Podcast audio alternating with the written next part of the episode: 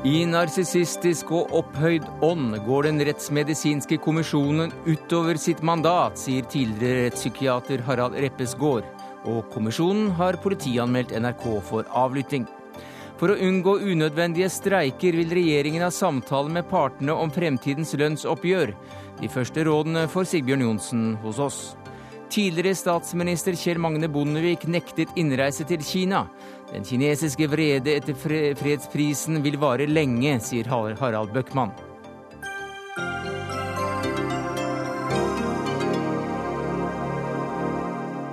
Ja, Det er noen av sakene i Dagsnytt 18 denne tirsdagen, der vi også får oppklaringen av et 30 år gammelt drap på et spedbarn i Australia.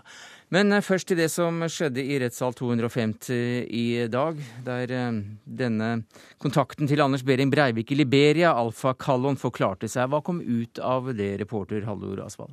Ja, nå i ettermiddag eh, for kort tid siden så fikk retten se et stort bilde på en videoskjerm av en mann som satt i USA og vitnet derfra. Det var altså liberiske Alfa Kallon, som var en mann som Breivik møtte i Liberia i 2002, og fortalte i dag om sin kontakt med Breivik Breivik hva de gjorde. Eh, han fortalte at de eh, kjørte rundt i Liberia og eh, lette etter diamanter som Breivik hadde lyst til å, å, å selge videre og ta med seg ut av landet. Og Dette er interessant fordi det handler om hva Breivik egentlig gjorde i dette landet. Selv så hevder han jo at han var der for å, for å bli medlem av et hemmelig terrornettverk, for å møte en serber, og at han skulle lete etter diamanter som en slags dekkhistorie, mens aktoratet og politiet mener at han eh, var der på en mislykket diamanttur, og at denne, eh, denne opptagelsesprosessen i dette terrornettverket var noe han fant på senere. sånn at dette var et nytt vitne som kunne gi sin versjon av den historien Breivik så langt har eh, vært alene om. Og det han sa i dag, var at han ikke hadde lagt merke til at Breivik hadde hatt kontakt med andre da de var der, og at han mente at dette var usannsynlig. Eh, den rettsmedisinske kommisjonen har jo fått eh, sterk kritikk også av eh, dommeren i rettssal 250. Og lederen for kommisjonen forklarte seg i dag. Hva kom fram under Rygnestads forklaring? Mange har jo stilt seg spørsmålet eh, hvordan en slik rettsmedisinsk kommisjon kan godkjenne en rapport som sier at Breivik er utilregnelig, og så senere godkjenne en annen som sier at han er tilregnelig. Han fikk spørsmål om det, og svarte at de bare vurderer metodebruken, ikke eh, konklusjonen til rapporten. Altså om eh, når premissene først er lagt inn, om metodene de har brukt er eh, gode nok. Han ble, fikk mange spørsmål fra bistandsadvokatene om hvorvidt alle medlemmene i kommisjonen hadde vært enige om denne første rapporten som de hadde skrevet, om det var tvil. Han holdt fast ved det, at de, de hadde vært enige, og fikk mange spørsmål rundt dette. Det skal vi komme tilbake til, for de spørsmålene går bl.a. tilbake til NRK-opplysninger før jul. Og i den forbindelse så har altså da kommisjonen i dag anmeldt NRK for hva? Kommisjonen har anmeldt NRK for det de mener er eh, ulovlig avlytting av, en, eh, av, et møte. Eh, det som har skjedd, er at det har vært en åpen telefonlinje inn fra NRK og inn til dette møtet, som da var like før jul, hvor de vurderte den første rapporten, og hvor det kom fram klare uenigheter på dette møtet om hva de mente om, om denne rapporten. Og det får vi høre mer om senere. Mer om kritikken av kommisjonen og kommisjonens anmeldelse av NRK, altså senere i sendinga. Takk skal du ha, Hallør Asvald.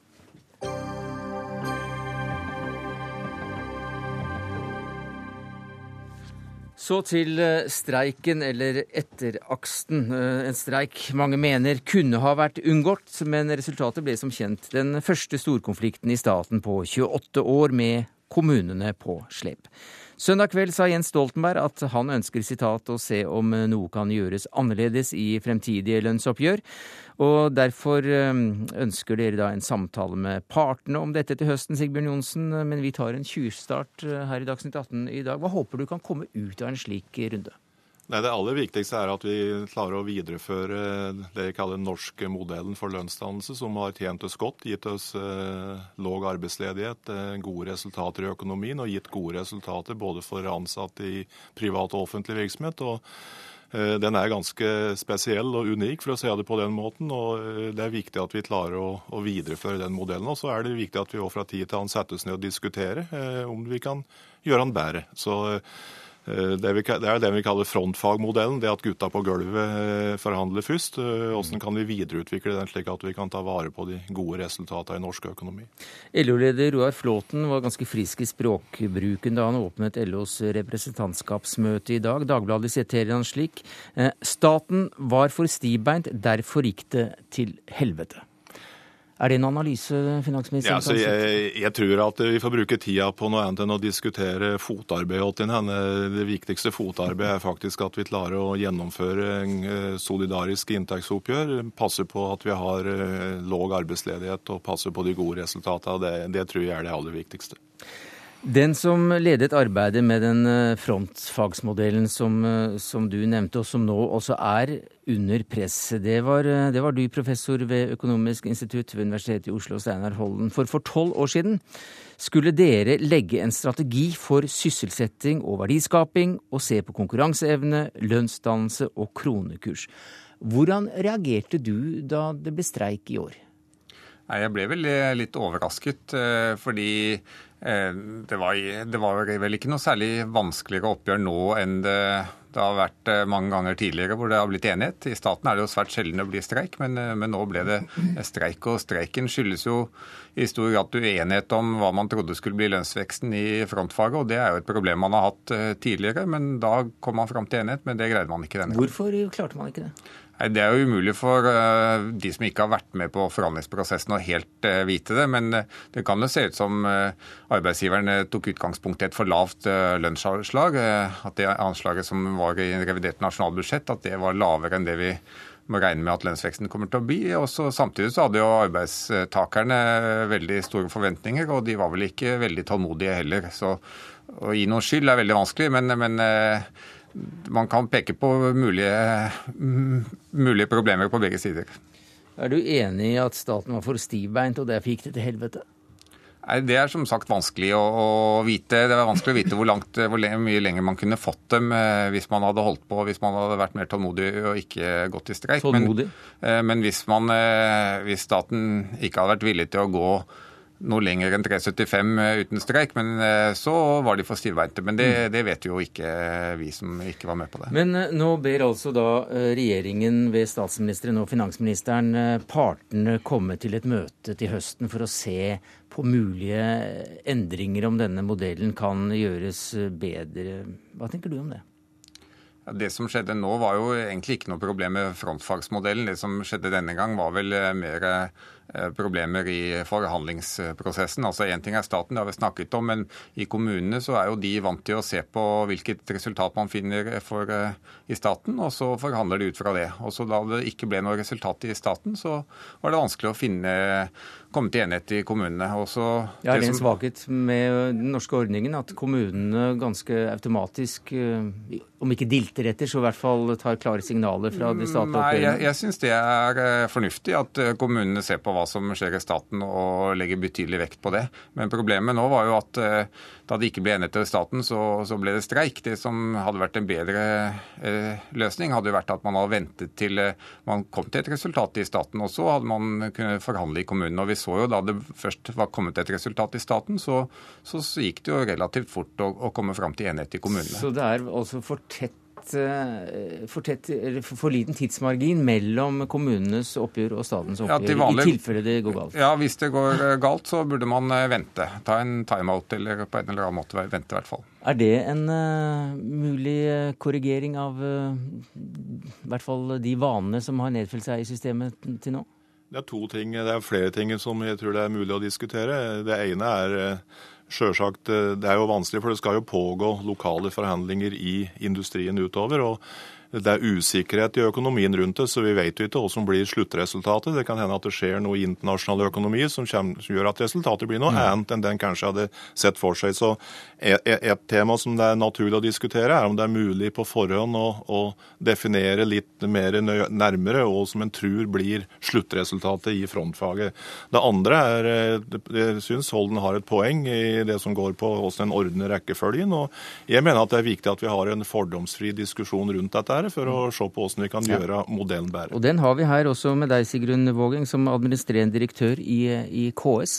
Eh, hva tenker du om rekkefølgen og, og, og hvor nært dere skal ligge opp til, til staten? Jeg syns det er mange gode poeng som kommer fram her.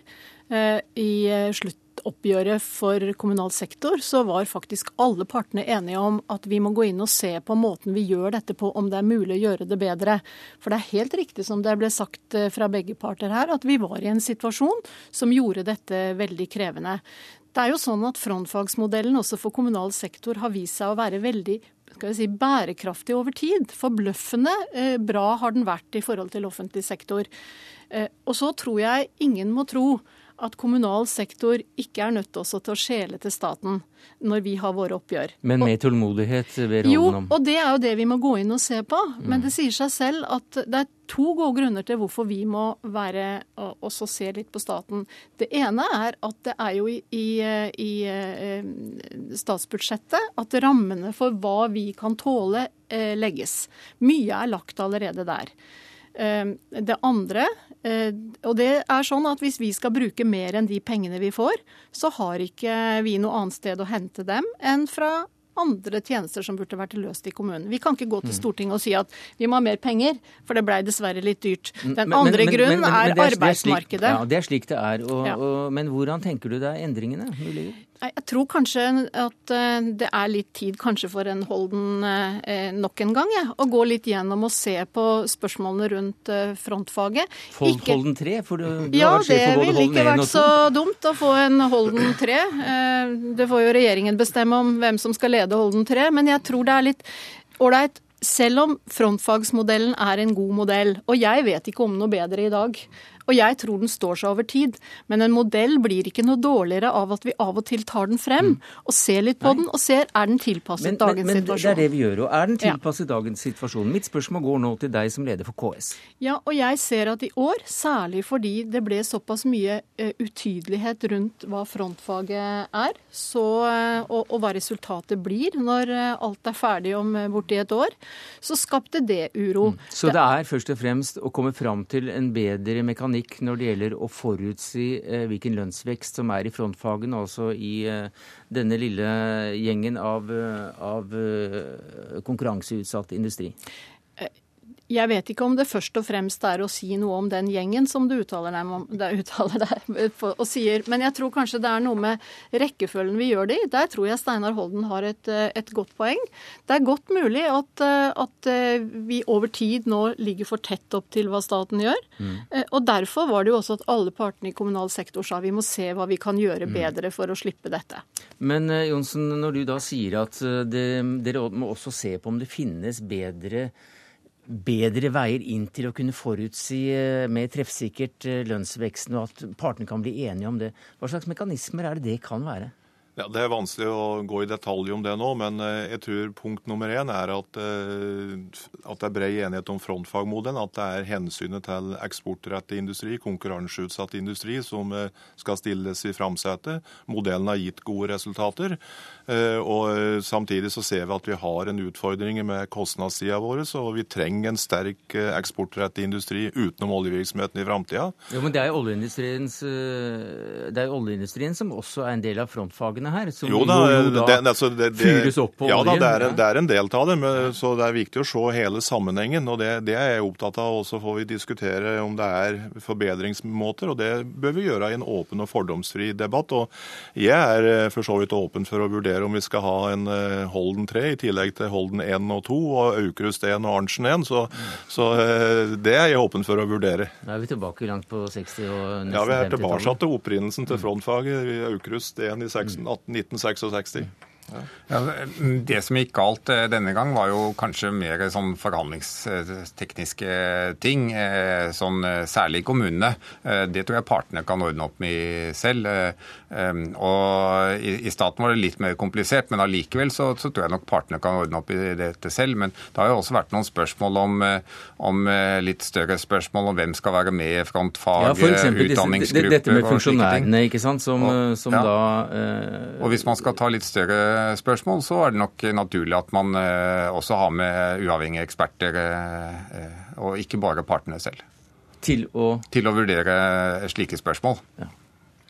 Jo da, eh, det har jo vært to varianter. Det har vært et partssammensatt utvalg en gang og et ekspertutvalg den andre gangen. Men eh, vi har jo gode erfaringer i Norge med å sette oss ned og forberede en slik større diskusjon. og så jeg, Derfor så er jeg åpen for å vurdere det. Og det aller viktigste for meg det er å si at eh, den modellen som er så bra, kan bli bedre. Og vi må mm. passe på de gode resultatene vi har oppnådd. Ja, det, er, det, er, en slags punchline, men vi er ikke ferdig med nei, denne nei, samtalen altså, ennå. Så jeg vil gjerne spørre deg, ja. Sigbjørn Johnsen, hvorfor kan man ikke si at dette kan vi, akkurat fastsettelsen av, av, av, lønna, den kan vi faktisk vente med til senhøsten. Fordi da har vi jo fasiten.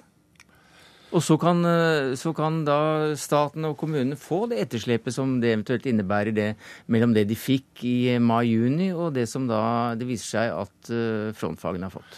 Jeg er nok eh, mer i tvil om du skal ha en form for eh, automatisk indeksering, for å bruke et fint uttrykk. Altså det, det at en skal se på hvordan eh, økonomien utvikler seg, se på hvordan lønnsutviklingen er, er jo en del av grunnlaget for oppgjør som kommer i framtida. Så det blir nok mer å finformulere seg rundt slike ting uten å gå over til det vi kaller en automatisk lønnsjustering. For det, det tror jeg er en modell vi har vært innom tidligere som jeg ikke vil anbefale. Hvorfor ikke det?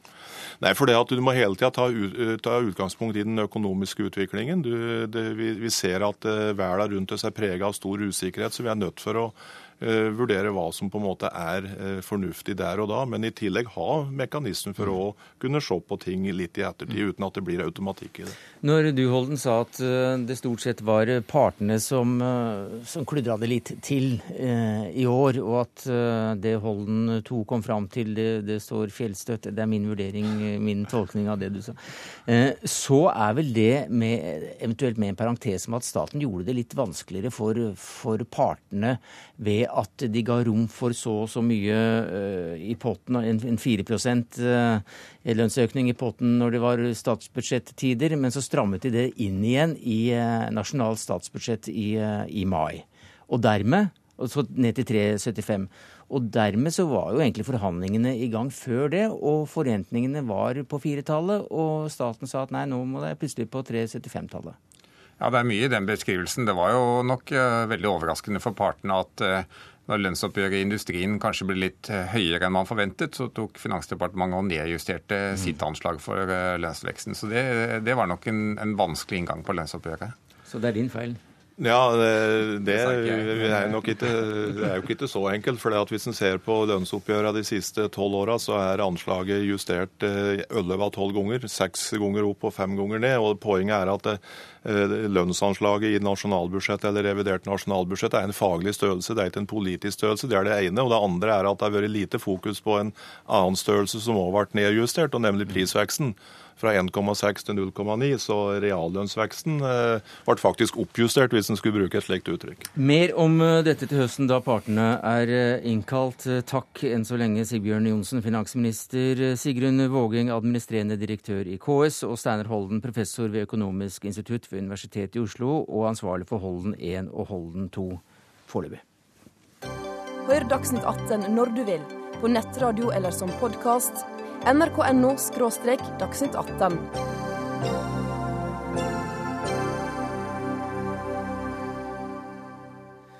Så tilbake til dagens vitner i rettssal 250, og til den rollen som Rettspsykiatrisk kommisjon har spilt så langt. Den er kritisert også av deg, Harald Reppeskar, for som pensjonert rettspsykiater skriver du i en kronikk i Dagbladet i dag, sitat Um, I narsissistisk og opphøyd ånd går Den rettsmedisinske kommisjon utover sitt mandat.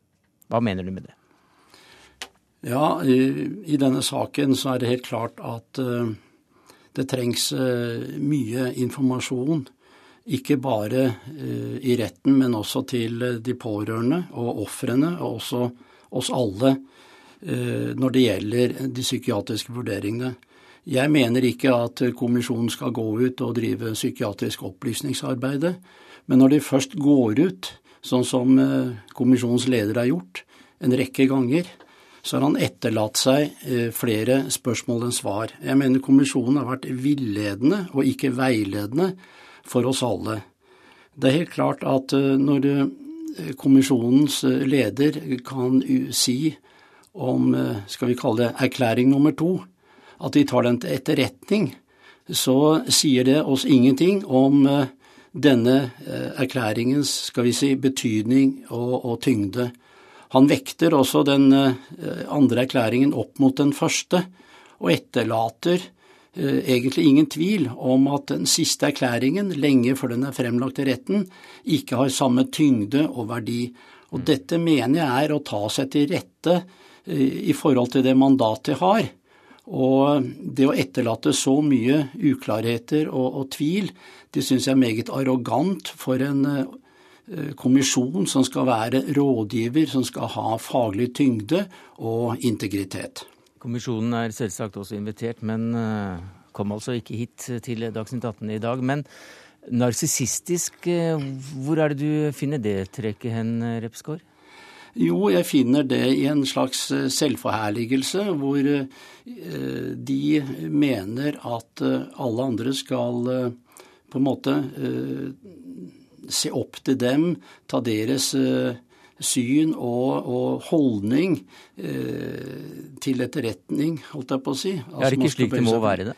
Nei, jeg mener ikke det. Når, når eh, rettens administrator i et meget skarpt brev eh, presiserer at de ønsker å vite hva egentlig kommisjonen mener om erklæring nummer to, så skal man ikke da eh, si at ja, man får vente til de sakkyndige, altså sakkyndige to, Eh, har uttalt seg i retten, og så skal man da se hva kommisjonen lander på. Dette er en form for eh, hva skal vi si, si navlebeskuelse. Vent til dere gjør slik som vi ønsker i retten, så skal mm. dere få svar fra oss. De skal legge fram sine, sine vurderinger eh, før retten, og retten tar til, og så skal de eventuelt under retten, hvis det er ønskelig, da svare på spørsmål, og ikke da endelig vente til alle vitnene har uttalt seg, og så da komme med en eller annen slags uh, konklusjon. Og du mener uh, den oppførselen den har svekket troverdigheten til uh, rettspsykiatrien? Ja, dessverre. Jeg mener det. Og håper å si, vanlige mennesker de, de lurer på hva er dette her for noe. Hvordan går det an å ha eh, to eh, erklæringer eh, utarbeidet av meget kompetente personer og komme til vidt forskjellige konklusjoner? Jeg vet at dette her selvfølgelig er, er mulig. Jeg har jo vært rettspsykiater i mange år sjøl. Men det kreves en skikkelig og god redegjørelse, så komplisert som denne såkalte Breivik-saken har vært nå, mm. til retten, til publikum. Og hvis man ikke kan ordlegge seg på en måte jeg vil si jeg beundret uh, Torgersen i dag. Jeg hørte på han uh, Psykiater? Ja. Mm. På en både god faglig, men også en folkelig måte. Hvis ikke kommisjonen kan gå ut med det når det først skal ut i media, så, så, vil folk begynne å lure mm. på hva er det i all verdens land disse driver på med. Siri Gullestad, du er professor i eh, psykologi, og du eh, reagerte også på det lederen for eh, den rettsmedisinske kommisjonen, Tarjei Rygnestad, sa i retten i dag. Og da holder vi denne NRK-saken utenfor. Ja. Først og fremst så har jeg reagert på selve rapporten. Og det at den er veldig kritikkverdig uten at den rettsmedisinske kommisjonen har eh, sett det. Eh, altså det er, eh, hvis jeg kort kan si det, så er det jo fra flere fagfolk, og, og sånn som jeg også har lest den, så er det en mangel på sammenheng mellom premiss og konklusjoner. Og det er en mangel på eh, drøfting av alternative tolkninger. Og de, de sier jo, altså en, en, sånn rapport er jo beheftet med Klinisk skjønn er alltid underlagt en usikkerhet, og det sier de selv innledningsvis. men ingenting i rapporten Eh, bærer preg av at det er erkjent at det er under usikkerhet. Som Sven Torgersen sa i retten i dag, så er det som om de finner et eh, kriterium. De sier dette språket til Breivik, ikke sant. Så han snakker om nasjonal darwinist, suicidalmarxist. Det tolkes som neologismer og som uttrykk for schizofreni uten at alternative tolkninger drøftes.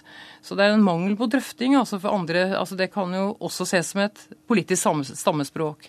Man sier at han bruker han snakker i vi-form. Det ses som uttrykk for depersonalisasjon, uten at man eh, drøfter den muligheten at det er et politisk vi. Sånn at det er en mangel på på øh, å se dette i kontekst. Det er en mangel på drøfting. Så det er en skråsikkerhet i, i øh, som gjør at uavhengig om du skulle være enig i konklusjonen eller ikke, så fremstår, fremstår rapporten, erklæringen, altså til de første to, som uvitenskapelig, vil jeg si. Uvitenskapelig? Altså, ja, og, jeg vil si det. Da, men dette med at du sier at det er mangel mellom, for, mellom Det er manglende forhold mellom premiss og konklusjon? Ja, ja. Mm -hmm. Ja, hvilket, hvilken konklusjon og hvilke premiss er det du, du mener? Premissene er f.eks. da altså observasjonene som er, er, er, at eh, neologismer, altså vrangforestillinger ikke sant? Altså den tanken at han er i en borgerkrig, er det en vrangforestilling, eller er det en politisk, en politisk idé en, eh, innen en høyre-radikal subkultur? Og eh, altså, Det kan man ikke vite, som eh, de som eh, kjenner måten denne diagnostikken foregår på. Så Hvis det er en vrangforestilling, så deles den ikke av andre i en kultur. Det er et av kjennetegnene. Så når man slår fast at det er uttrykk for schizofreni uten å drøfte alternative fortolkninger, så vil jeg si at det er en uvitenskapelig fremgangsmåte. Repeskår? Ja, jeg er helt enig i det. Jeg har også reagert på det som blir kalt vrangforestillinger. Hvor man altså tatt innholdet i vrangforestillingen som en absolutt eh, skal vi si, nesten privat sak for eh, Breivik. Andre som kjenner litt til eh, hva som rører seg i det politiske liv ute i verden, vet at mye av det han sier, deles faktisk av andre. Vi ser det i mange andre land, Tyskland, Ungarn osv. Og, så og han har også sikkert sine egne Eh, skal vi si, eh, klakører og, og sympatisører i Norge. Så dette med vrangforestillinger har jeg også reagert mye på. Og også et faktum eh, som ble tolket som vrangforestilling, er at Breivik han var paranoid fordi han var redd for å bli overvåket eller forfulgt av politiet. Han dekket til eh, vinduene i den gården på Arena han kjøpte, for at eh, naboen ikke skulle se hva han gjorde. Mm. Og Det er helt opplagt at en som planlegger kriminalitet, han vil beskytte seg på denne måten. Det vil være helt normalt og ingen vrangforestilling. Ja, og når det gjelder, den, eh, når det gjelder Rygnestad og den rettsmedisinske kommisjonen, så kom det jo, og innvendingene mot rapport to, så ble det jo veldig klart i retten i dag at de anmerkningene de har hatt, da, eh, eh, er det lite grunnlag for ut fra eh, et, en faglig, annen faglig lesning av rapport 2. Og jeg bare tenker på Det Reppeskår sa innledningsvis her, dette, altså det ble jo klart i retten i dag hvor mye uklar terminologi det har vært her. Altså de, de retten, altså Dommeren sa jo at når de har brukt begrepet bemerkninger, så betyr det egentlig mangler. Og det er jo ikke så lett for en utenforstående å vite at de, de mm. bruker begrepet bemerkninger om mangler. Og at uh, tas til etterretning. Det er jo en etablert uh, terminologi i den rettsmedisinske kommisjonen at det betyr at man er uenig. Og det er jo heller ikke Det er et stammespråk som uh, Ja, det er også noe Det er også ikke du umiddelbart Du være født inn i klanen for å forstå, muligens. ja. men, men, hva da med å kunne gå inn og etterprøve kommisjonens konklusjoner? Ja, Det er jo en av, en av de uh, virkelig problematiske tingene her. altså for en, en, ting er selve det skriftlige produktet, men altså, uh, de har jo ikke tatt opp dette på bånd. Uh, som er helt vanlig fremgangsmåte i mer vitenskapelige sammenhenger. Skal du vurdere en pasient i en forskningssammenheng, så må du ha såkalt rådata, sånn at andre kan gå inn og se hva er observasjonsgrunnlaget ditt, på hvilket du trekker dine konklusjoner. Og det gjør at det, altså både kan ikke det etterprøves, og selve den manglende drøftningen gjør at selve argumentasjonen det, altså det, er en, det, er ikke noe særlig argumentasjon, vil jeg si. Det er bare en fastslåing på en måte som er eh, gir et lite tillitvekkende inntrykk, vil jeg si. Ikke så faglig kompetent. Ja. Takk skal du ha, Siri Gullestad, professor i klinisk psykologi ved Universitetet i Oslo. Og til deg, Harald Reppesgård, pensjonert rettspsykiater blant mye annet. Ja, Det blir sagt her at det ikke finnes noen båndopptak av kommisjonens egne møter. Stein Bjøntegård, nyhetsredaktør i NRK. Har vi det? Nei, det har vi ikke. Men i dag så ble vi altså da i NRK anmeldt til politiet. Den eh, Bakgrunnen er denne. Den 20. desember hadde Rettsmedisinsk kommisjon sitt første møte etter det som ble sett på som en oppsiktsvekkende konklusjon fra de sakkyndige om at Breivik var utilregnelig. Etter møtet går NRK og melder at det er stor uenighet i kommisjonen, og at minst tre av medlemmene er mot den første sakkyndige rapporten. Under terrorrettssaken i dag så forklarte altså lederen for den rettsmedisinske kommisjonen, Tarjei Rygnestad, at denne lekkasjen kom fra noen som hadde, eller var han, som da hadde glemt å slå av telefonen, og noen hadde lyttet på den. Den, hadde, den telefonen hadde han altså da ikke slått av under møtet, og slik eh, kom det fram. Jeg hadde ikke avtalt å bli oppringt, jeg tok ikke telefonen og samtalte ikke med noen. Men det var i åpen linje. Trafikkdataene viste at det var en samtale på 53, men det var ikke noen samtale, så det var en åpen linje i 53 minutter og 30 sekunder. Eh, og Da datt det litt på plass, det som var sitatene og det som var over. Vi trodde, Da datt det hele på plass med Hvis noen satt i andre enden og overhørte de 53 minuttene og 30 sekunder, så stemte det helt med de henvendelsene vi hadde fått. Har du funnet ut om hvilket nummer som hadde ringt opp på din telefon? Ja, Da har jeg bare politiets eh, forklaring, og det var sentralbordet i NRK. Og med det så er også da også NRK politianmeldt for avlytting, eh, Bjøntegård. Hva sier du som nyhetsredaktør til det? Det må jeg jo bare forholde meg til. Eh, når det gjelder hva som egentlig skjedde vi, På vanlig måte så ringte vi til eh, Rygnestad. En av våre journalister ringte til han. Telefonen ble tatt av, og eh, vi ventet på at han skulle svare. Og i stedet for å snakke med han, så kom selvfølgelig da diskusjonen, en svært interessant diskusjon i den rettsmedisinske kommisjonen, som vi da avhørte, eller hørte på. Det er jo egentlig ikke noen avlytting. Det er rett og slett eh, at han tar av telefonen, og vi hører. Men dere lytter vel da til noe som ikke var meningen at dere skulle lytte til? Det er helt klart, og eh, det legger vi heller ikke skjul på. Det var jo en del av vår vurdering den gangen. Men samtidig så var det altså svært interessante ting som kom fram eh, i denne diskusjonen rundt bordet, og det var grunnen til at vi da tok den beslutningen at dette var så interessant at vi skulle gå ut med det. Angrer du på det? Eh, jeg angrer ikke på det. Jeg mener det var veldig viktig, og at det er veldig viktig. Eh, det som ville vært lurt av oss, var å ringe tilbake til eh, Rygnestad etterpå og fortelle hva som hadde skjedd, og konfrontere ham med det som kom fram. Det hadde vært en lurere framgangsmåte. Men det gjorde vi ikke, og da eh, må vi bare si at ja, vi, vi forstår i det vi gjorde. Det var en vurdering som ble gjort i ledelsen her i NRK. Tarjei Rygnestad eh, ønsker altså ikke å stille her i Dagsnytt 18, men mener seg avlyttet av NRK. Har han rett i det, Arne Jensen, assisterende generalsekretær i Norsk redaktørforening? Nei, Det er jo ingen avlytting i tradisjonell og normal eh, forstand. Det, ikke, det, var ikke satt opp noe utstyr, det var ikke forsøkt og planlagt og tenkt å avlytte dette møtet i Rettsmedisinsk kommisjon. Jeg syns jo dette er mer å sammenligne med det eh, som skjer journalister og mange andre mennesker. At man fra tid til annen eh, litt uforvarende kommer over eh, informasjon og overhører samtaler som det ikke var meningen at man skulle høre. Det skjer på bussen, det skjer på restauranter, og det skjer av og til noen hver av oss at vi ringer noen som, og, og kommer gjennom på en åpen linje. Eh, jeg syns det problematiske i denne saken, det mest problematiske, det er jo måten NRK eh, håndterte det etterpå, ved at man ikke eh, spilte åpent ut og konfronterte kommisjonen med det man da satt med av informasjon. Og for så vidt også at man ikke gjorde det åpent eh, i sin dekning av saken. Eh, fordi det ville vært å oppfylle en god presseetisk regel, nemlig å ha åpenhet rundt hvilke kilder man har, så lenge det ikke kommer i konflikt med kildevernet. Og etter mitt syn så ikke, var ikke dette noen kildevernssituasjon heller. Så det syns jeg er, er problematisk. Dette er jo helt i tråd med det jeg sier. Det ville vært lurere av oss å gjøre det. Eh, men det var en beslutning vi gjorde den gang, at vi skulle gjøre det sånn som vi gjorde det. Vi, vi vurderte ikke den situasjonen riktig. Vil si at vi, vi, vurderte ikke akkurat det å legge det fram på den måten som vi nå sier. Og det er etterpåklokskap, men, men eh, sånn er nå det. Så kan dra en, en parallell, eller parallell, men lignende sak. Eh, Dagbladet avslørte i 2007 at Stein Ørnhøi eh, hadde kontakter med representanter for svenske Jazz Gripen i forbindelse med kjøp av nye jagerfly.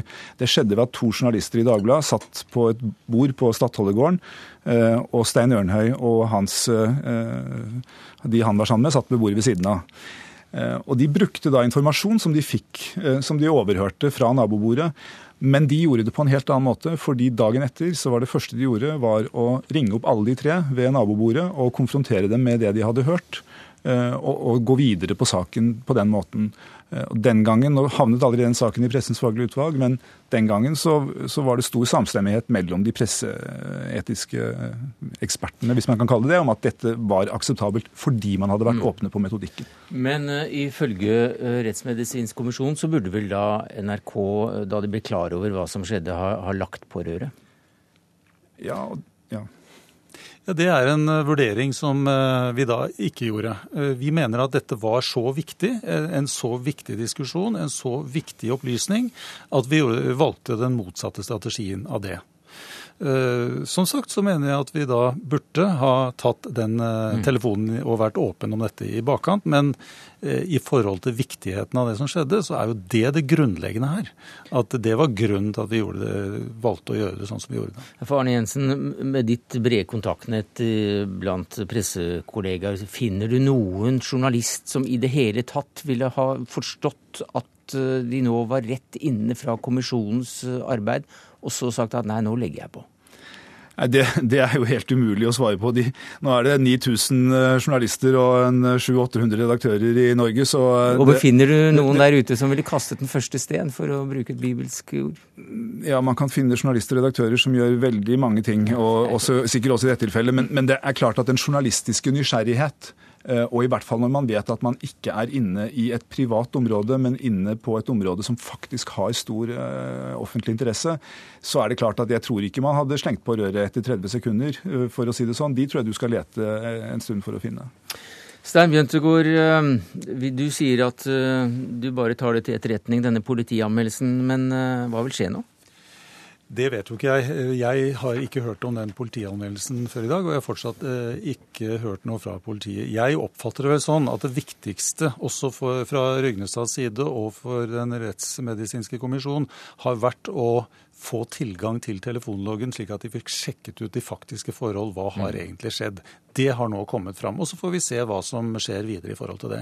Anmeldelsen har jo ligget der, så vidt jeg forstår, i snart en måned uten at vi har hørt noen ting. Så det, jeg, vet, jeg vet faktisk ikke hva som kommer til å skje med den. Takk skal du ha, Stein Bjentegård, nyhetsredaktør i NRK, til Arne Jensen, assisterende generalsekretær i Norsk redaktørforening.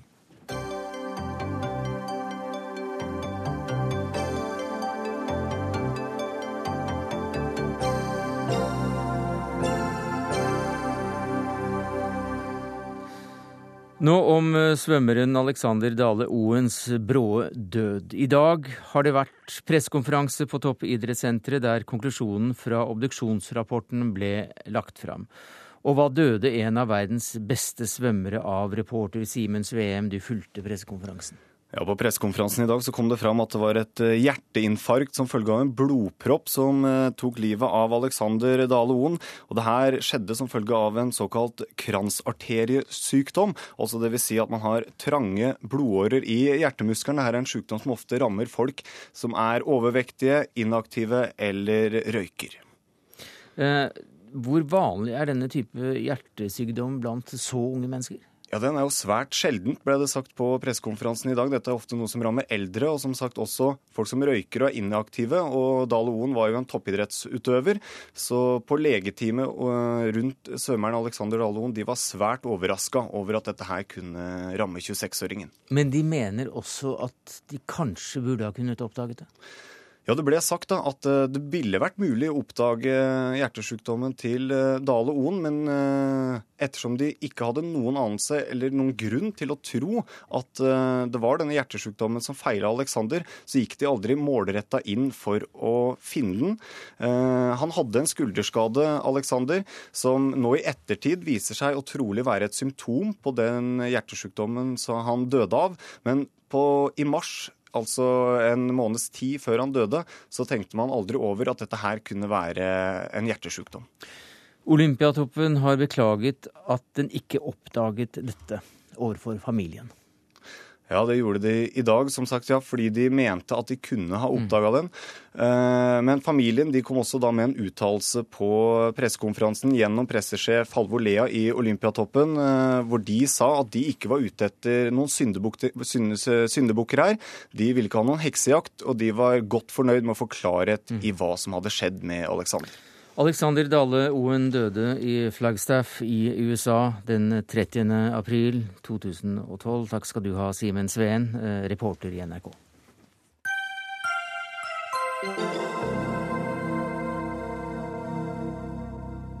Mandag skulle Kjell Magne Bondevik ledet et eh, møte i Kirkenes verdensråd i Kina. Men i stedet så sitter du her i Dagsnytt 18, for fredag fikk du nemlig vite at eh, du slett ikke fikk noe visum til Midtens rike. Og det er vel da rimelig å anta at dette avslaget har med fredspristildelingen til menneskerettighetsaktivisten Xiaobo i 2010 å gjøre, eller hva sier du, Bondevik? Ja, jeg vil eh, finne i hvert fall ingen annen forklaring på det for alle andre medlemmer av eh, denne kommisjonen under Kirkenes verdensråd fikk visum. Eh, medlemmer fra ulike land. Så jeg ble overraska, eh, selvsagt skuffa. Både av hensyn til kommisjonen, men også av hensyn til de kristne kirkene i Kina, som for øvrig over de senere åra har fått bedre arbeidsvilkår enn tidligere. Og det at en fikk avholde dette møtet i Kina med myndighetenes godkjennelse, var jo i seg sjøl positivt. Derfor var det desto mer overraskende at de nekter kommisjonens leder å få komme mm. og lede møtet. Men eh, med din eh, bakgrunn som statsminister, du har vel vært og truffet disse lederne også i Beijing. og Er det ikke da ekstra sterkt å bli nektet å komme inn i neste omgang? Jo, det er jo det. Jeg var jo der som statsminister for uh, knappe ti år siden og ble jo tatt imot jeg holdt på å si med pomp og prakt, ja. på øverste hold av presidenten, ja. og som da skrøt av Norge. Ja. Var med hilse til kongen osv. Møtte statsministerkollegaen min og andre høytstående. Så Derfor så ble jeg ganske overraska. Eh, selv om vi nå gjorde det klart overfor myndighetene i søknaden at jeg selvsagt ikke reiste for norske myndigheter, for jeg er ute av politikken for lengst. Jeg reiste heller ikke for Oslo-senteret, eh, som kanskje har aktiviteter de misliker. Men jeg reiste altså som leder av en kirkelig kommisjon, og det hadde jeg trodd de ville akseptert. Harald Bøckmann, eh, Kina-eksperten per excellence, forsker ved Senter for utvikling og miljø ved Universitetet i Oslo. Bondevik er overrasket, er du?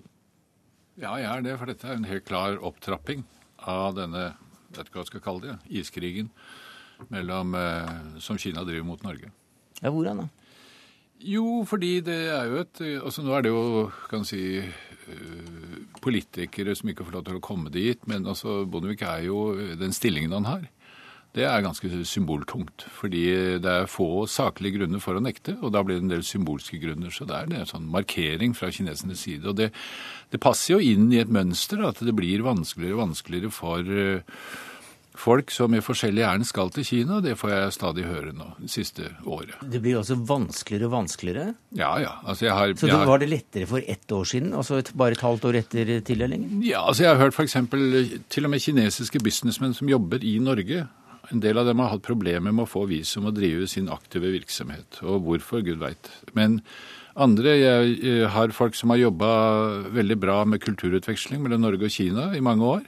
Og de ble nesten æreskjelt ved en anledning nylig her på når de skulle komme og søke visum. Så det er inne i en sånn uh, veldig destruktiv fase sett fra vårt synspunkt. Men det går jo først og fremst utover kineserne sjøl. Ja, det er problemet at det skjønner ikke, virker det som. Det kan gå utover en og annen rederkontrakt eller eh, noe lakseeksport også? Ja, men eh, dette er jo altså Det viktigste er jo politiske markeringer. Og fordi her har Norge påført Kina et tap av ansikt. Og det å miste ansiktet og bli påført skam, det er ikke bare snakk om skam i seg sjøl, men det er snakk om å utfordre deres makt. For det å tape eller vinne ansikt det er noe som brukes for å bygge makt og prestisje i Kina, og nå har da Norge gitt dem et spark, skikkelig spark på skinnleggen. Det er derfor de reagerer så sterkt. Det er altså tapt ansikt, og det er snakk om et regime som er ganske langsint.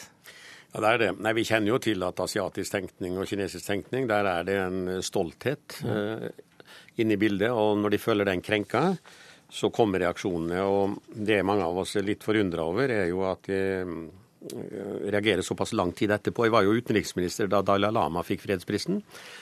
Og Kineserne la jo veldig press på meg for at jeg ikke skulle ta imot han på mitt kontor, noe som er helt vanlig kutyme med alle fredsprisvinnere. og gjorde selvsagt det. Men da gikk reaksjonene over mye raskere. Nå holder de fortsatt på med denne markeringen, og jeg har jo lurt på om de tror de kan oppnå noe ved det. Og det, etter mitt skjønn kan eh, er etter mitt syn ikke det. Tvert imot så skader det deres eget omdømme. Det skader forholdet mellom Norge og Kina. Det er jo flere andre som har nekta visum også, bl.a. et par stortingskomiteer. Mm.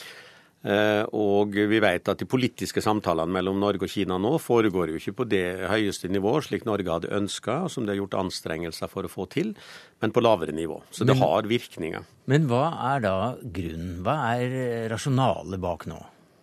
Nei, det er det at uh, Kina har bestemt seg for å straffe Norge mer på lang sikt. Uh, ja, for, for, Ikke for å straffe Norge, for altså, Norge betyr vel ikke noe særlig for Kina? Det må jo være noen signaler utover det? de jo, det er, det er for å markere at uh, slik, altså, gjøre slikt mot Kina, det er uakseptabelt. Andre bør ikke følge Norges og, og du ser, du ser, også europeiske statsledere har også tatt imot Dalai Lama. Da har det mellom Tyskland og, og, og Kina, Frankrike og Kina mm. har det vært da en periode der hvor det har vært knuter på tråden. men så har det ordna seg igjen. Men her er det tydelig mer langsiktig. Også nå, det var en klok kommentar i Aftenposten i dag som sa at, at Kina tenker langsiktig, men eh, eh de er kortsynte. Mm -hmm. Men jeg tror de er eh, egentlig De kan være kortsynte, men de tenker faktisk langsiktig også, selv om de er kortsynte. Og du har et element til her. Det er at til høsten så går, det, går Kina inn i et generasjonsskifte i den politiske toppledelsen. Så da blir alt mye bedre? Nei, da blir alt mye strammere. Ja. Da blir alt mye mer kontroll. Og det er eh, olympiade eller hva som helst, store anledninger. Da det er bevegelse, da ting kan skje. Og de har allerede hatt en stor politisk skandale i den byen Chongqing. Da er det kontroll som gjelder. Og jeg tror kanskje dette er et del av dette økende kontrollregimet som da har gått ut til alle ambassader over hele verden si at nå må dere passe dere, nå må dere liksom kjøre strammere. Fordi vi skal kjøre denne partikongressen vår uten noe som helst sånn knute på tråden. Ja, Det skulle jo ikke ha noe frykte av at jeg kom og leda en kirkelig kommisjon i Nanjing. Eh, vi ville opptrådt eh, hensynsfullt. Eh, og, men, og det er jo en veldig bevisst handling, helt åpenbart. Jeg snakka med den kinesiske ambassadøren eh, ja, til Norge på fredag. Nei, han sa vi har ikke fått autorisasjon fra Beijing til å utstede visum til deg. Og så sa han jeg skal sjekke det. Eh, men det kom ingen ny eh, beskjed. Eh, så dette er åpenbart bestemt i Beijing. Utenriksdepartementet gjorde også anstrengelser for å prøve å få omstøtt denne beslutningen. Det hjalp heller ikke. Og Kirkenes verdensråd, som er arrangør av møtet, gjorde også anstrengelser sjøl etter at andre var kommet til Kina. Men intet førte fram. Og det er jo som Bøckmann sier, kineserne tenker jo i lange linjer. Der er jo ikke et år noe tid. Kanskje ikke ti år heller. Det er ofte i hundreder av tidsårsperspektiv de tenker. Ja, vi, vi men vi får håpe de ikke gjør det når det gjelder å straffe Norge, da. Nei, for vi snakker om uh, den kulturen som har uh, vært kontinuerlig, kontinuerlig, lengst her på jorda. Er det 5000-6000 år som de ja, no, Det er det de gjerne vil si, at de har 5000 år historie, men det er, det er ikke fullt så langt. Nei, men uh, et annet poeng som har med da kontroll å gjøre, det er at når det da kommer en ny generasjon, for nå er det et generasjonsskifte altså, Nåværende partileder har sittet i ti år, nå har de andre utsikter til å sitte i ti år til. Og det er en langsiktighet, kan du si. Men de som kommer inn, de vil aldri begynne med noe sånn spektakulære nye øvelser. De vil først sikre seg i salen, og så etter hvert endre seg. Og Det gjør at jeg tror ikke det kommer til å skje noen endringer i Kinas forhold til Norge på en god stund. Hva skal til før det skjer en endring her, da? Det skal for det første at den nye eliten sitter eh, trygt i salen og finner ut at hva er det som lønner seg for dem å gjøre. Og for det andre så er det at Norge nok kan komme noen symbolske utspill uten at Norge gjør avvikt, som en del eh, ja, eh, for norske forretningsmenn har oppfordret til. Ja, Som f.eks. da? Hva er det Norge kan gjøre? Hva er det, hva er det Støre kan gjøre? Kan skrive. Han har jo skrevet en kronikk i dagens i, i eh, DN som, eh, som, fikk en del kritikk fra politisk hold for å legge seg for flat overfor eh, kinesiske myndigheter. Hva skal til? Ja, det var vel heller det at han gikk ut og begynte å liksom snakket offentlig om dette, istedenfor å ta det på bakrommet med, på diplomatisk vis. Mm. Men jeg syns det var ganske ryddig av Støre, fordi du skal bringe debatten ut i det offentlige rom. Og den kinesiske ambassadøren var jo også da ute med noe slags svar til andre. Han har deltatt i debatten, men med påholden hånd. Så det, kan du si, det kom ikke noe særlig ut av det. Men akkurat hva man kan gjøre, det, det får politikerne og de som styrer med diplomati, prøver å finne ut av. Det har ikke jeg noe særlig råd å gi. Nei, du har mer erfaring der, Bondevik? Ja. Du har vært utenriksminister og statsminister. Ja, utenriks- og statsminister. Men eh, jeg tror nok at uh, norske myndigheter gjør det de kan. Både bak scenen og noen ganger på scenen. Eh, både diplomater og politikere. Men det har rett og slett ikke ført fram. Så dette er, sitter veldig hardt inne hos kineserne, det er helt åpenbart. Og det er det som kanskje overrasker oss det sitter i såpass lang tid etter denne fredspristildelingen. Ja, det blir verre og verre, ifølge Bøckmann. Ja, det kan virke slik. For det må nå være en veldig bevisst handling når de da bestemmer at en tidligere statsminister som ble tatt imot på høyst hold der for under ti år siden, ikke skal, nå skal få komme inn. Så de har nok kalkulert med virkningene av dette, og jeg tror jo de er uheldige for Kina. Og de er selvsagt uheldige for forholdet mellom Norge og Kina. Og det er uheldig for flere. Her for Gerhard Heiberg sa tidligere i dag at det dårlige forholdet til Kina vil fortsette i det uendelige om Norge ikke viser forståelse for de kinesiske reaksjonene etter at fredsprisen ble delt ut. Hva sier du til det, Beckmann? Nei, Jeg syns det er helt håpløst. Men den debatten får vi ta en annen gang. Ja, den får vi ta en annen gang. Heiberg er heller ikke her og er heller ikke invitert for så vidt. Men uh, det var dere, og dere kom for å kaste lys over dette. Har du forresten innreisetillatelse som Nei, jeg prøvde meg fra Hongkong for et år siden. Jeg tenkte det skulle være litt lettere, men det var blankt avslag. Så nå skal jeg bare vente til det roer seg, i, forhåpentligvis, i Peking. Da er vi i samme selskap. ja, da er de i samme båt. Takk skal dere ha, Kjell Magne Bondevik og Harald Bøckmann.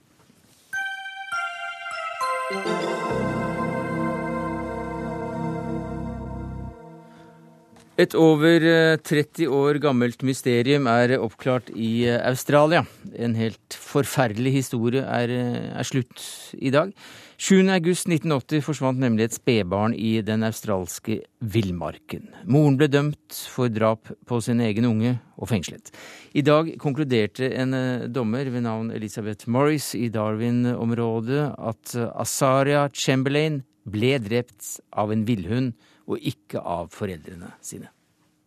Azaria Chamberlain died at Uluru, then known as Ayers Rock, on the 17th of August 1980.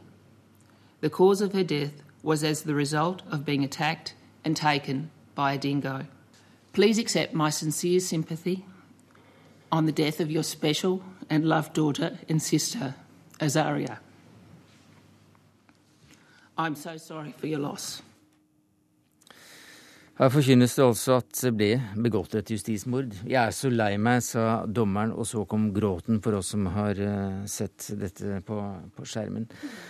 Australia-ekspert Gro Birgit Veen, du er postdoktor ved Sosialantropologisk institutt ved Universitetet i Oslo. Du kjenner australske forhold veldig godt. Hva skjedde på campingturen i Ayers Rock i 1980? Det som skjedde var at det var en familie, Chamlin-familien, Lindy og Michael, som var ute på camping med sin ni, gamle, ni uker gamle baby. Og hun eh, forsvant i løpet av natten. Eh, etterpå en, meldte selvfølgelig foreldrene dette til politiet. Det ble en kjempestor etterforskning. Og politiet trodde ikke på foreldrene. De trodde at det var De trodde ikke på historien som foreldrene kom med, om at det var dingoer som hadde tatt babyen i løpet av natten. Villhunder. Ville hunder. Og I etterforskningen så kom det fram en rekke motstridenheter i foreldrenes forklaringer som gjorde at uh, politiet til slutt uh, anklaget moren for å ha begått mord.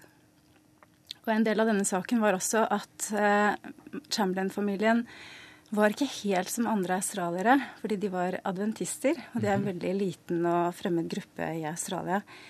Og det var en religionsprofessor på universitetet i Melbourne som var opptatt av, og som kom fram som et sånn konspiratorisk element i løpet av rettssaken, at, at Asaria skulle bety den som skulle ofres i villmarken. Asaria er navnet på spedbarnet? Mm, nettopp.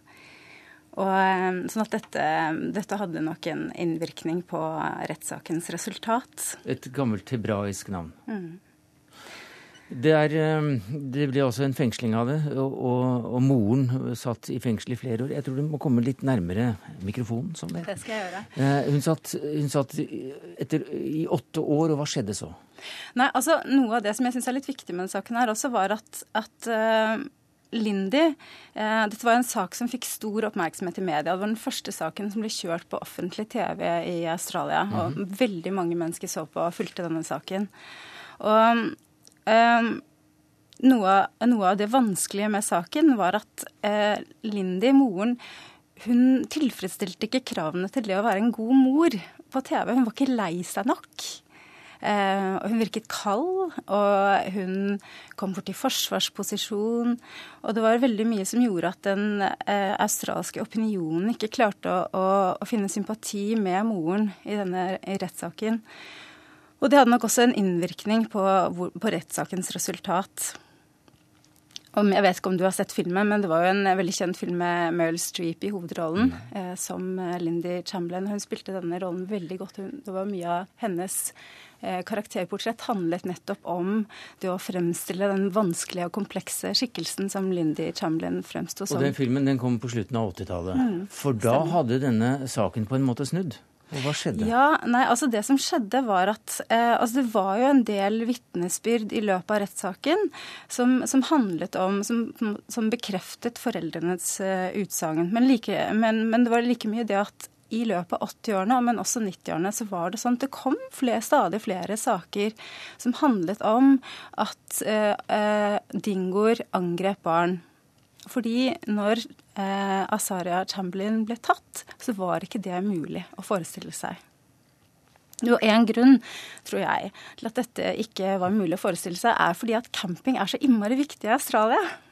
Det er en sånn grunnleggende del av den australske folkeånden å kunne dra på campingtur. Og det er eh, trygt?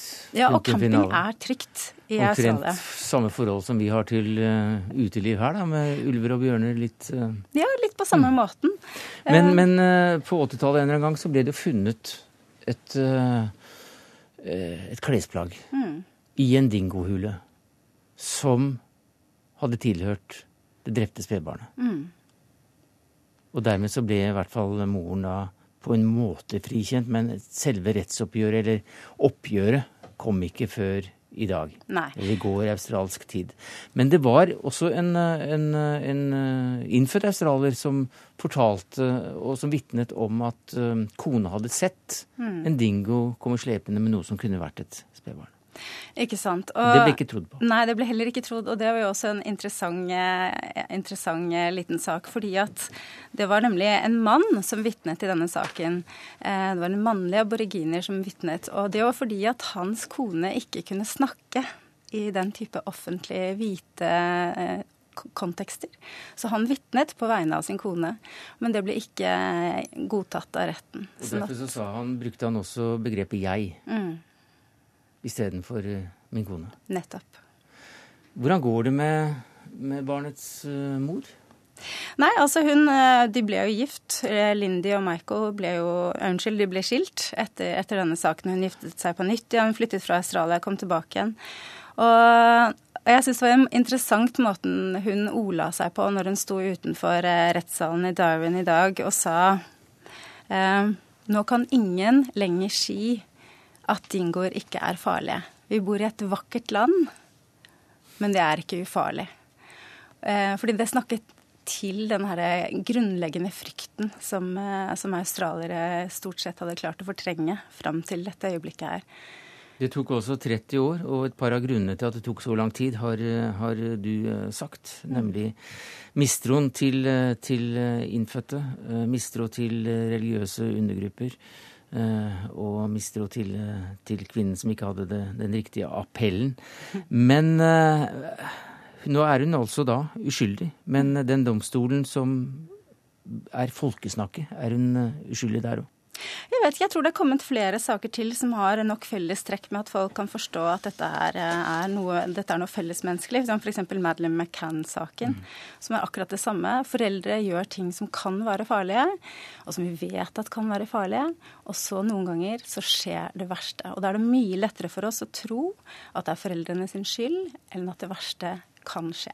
Takk skal du ha, Gro Birgit Ween, Australia-ekspert, postdoktor ved Sosialantropologisk institutt ved Universitetet i Oslo. Det var alt vi rakk i Dagsnytt 18 i dag, takket være ansvarlig for det hele Dag Dørum. Det tekniske ansvaret hadde Hilde Tosterud. Jeg heter Sverre Tom Radøy.